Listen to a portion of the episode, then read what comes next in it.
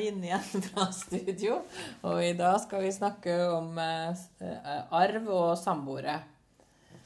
Og da, Odd Anders, hva er samboere likestilt med ektefeller i arveloven? Nei, det er det ikke. Når det står ektefelle i arveloven, så menes det personer som er gift. Så det skal ikke tolkes sånn at det skal gjelde likt for uh, samboere. Men i arveloven uh, kapittel 3 så er det gitt egne bestemmelser om uh, samboere. De er ganske nye, de bestemmelsene. Kom i 2009. Det var Og de gir enkelte samboere lignende rettigheter som ektefeller. Det var litt diskusjon om man skulle uh, ha en nærmere likestilling av samboere og ektefeller i forbindelse med den nye arveloven, men det ble det ikke noe av. Hmm. Morsomt at du sa at det var nye regler fra 2009, men ok. Jeg sa ganske nye, da. I forhold til arveloven som er fra 1972. Ja, så, så, er det jo relativt nye, da. greit. Si. Eh, du sa at eh, de gjelder for noen samboere. Eh, hvem er det de gjelder for, da, reglene? Ja, Det er litt ukult. Det er litt sånn forskjellig for de enkelte reglene, da. Men i paragraf 28a så defineres samboere som to personer over 18 år som korkje er gift, registrert partner eller samboer med andre og lever sammen i et ekteskapslignende lignende forhold. Um, og ja, så står det for så vidt litt mer der. Det, det som er der, er at uh, man får ikke egentlig så mye rettigheter bare ved å oppfylle disse vilkårene. Det er også noen tilleggsvilkår som må være oppfylt, som vi skal se etter hvert. Ja, nemlig. Hvilke arverettigheter har samboere? Ja, det er to former for rettigheter. Det ene er en rett til arv. Og det andre er rett til å sitte i uskifte. Kan du si først litt da om retten til arv? Ja, Den følger av paragraf 28b. Og den gir for det første da rett til en arv som ligner på retten til ektefeller eh, for samboere som har hatt eller venter barn med Har, har hatt eller venter barn med den avdøde. Um, og de samboerne som da har, uh, har hatt eller ventebarn med den avdøde, de har rett til arv uh, tilsvarende 4G. Uh, og den retten den gjelder uansett om det er livsarvinger etter arvelateren, står det. Og det betyr altså at de går foran pliktdelsreglene for barn. da.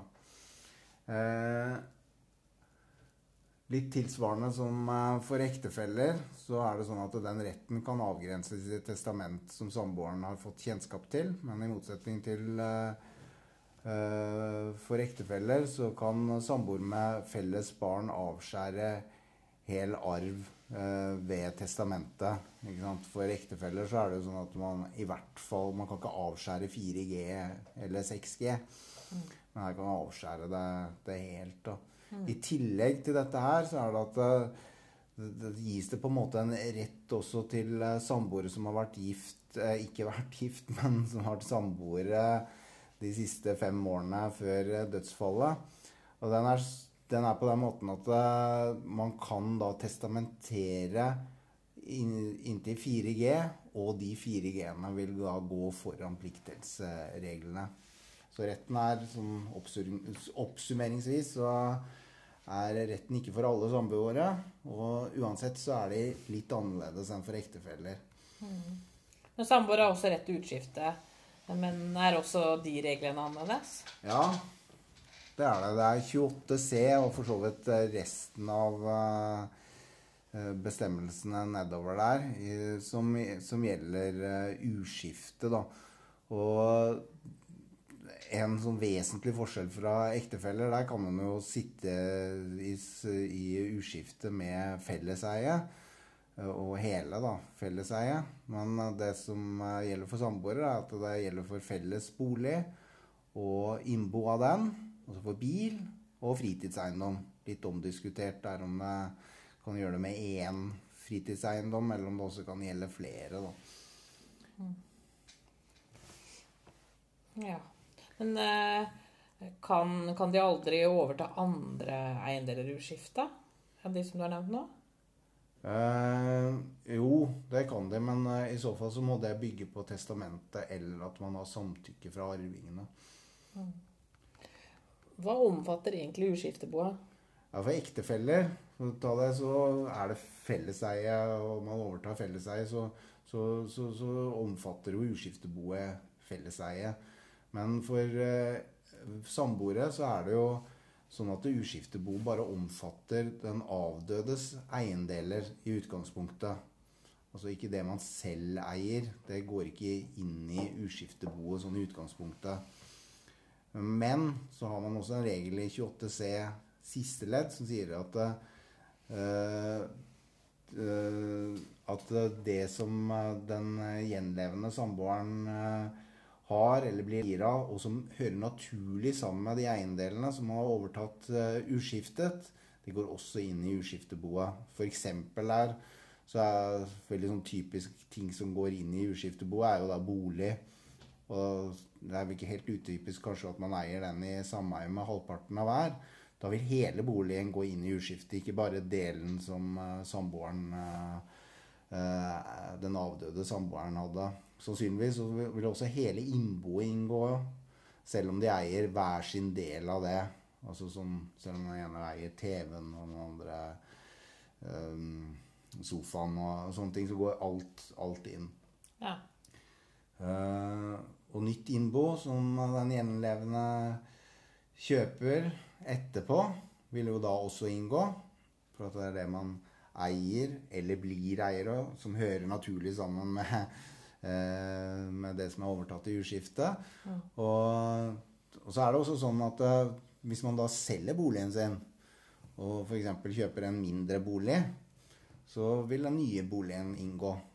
Og så har man også med overskudd av ved salget av den gamle. ja. Eh, Men hvordan er råderetten, da? Ja, her eh, kommer vi inn på 28F, som egentlig er veldig sentral. Og det er eh, Det, det står mindre i uskiftereglene for samboere enn det gjør for ektefeller. Og det er pga. den 28F som viser tilbake til reglene for eh, ektefeller.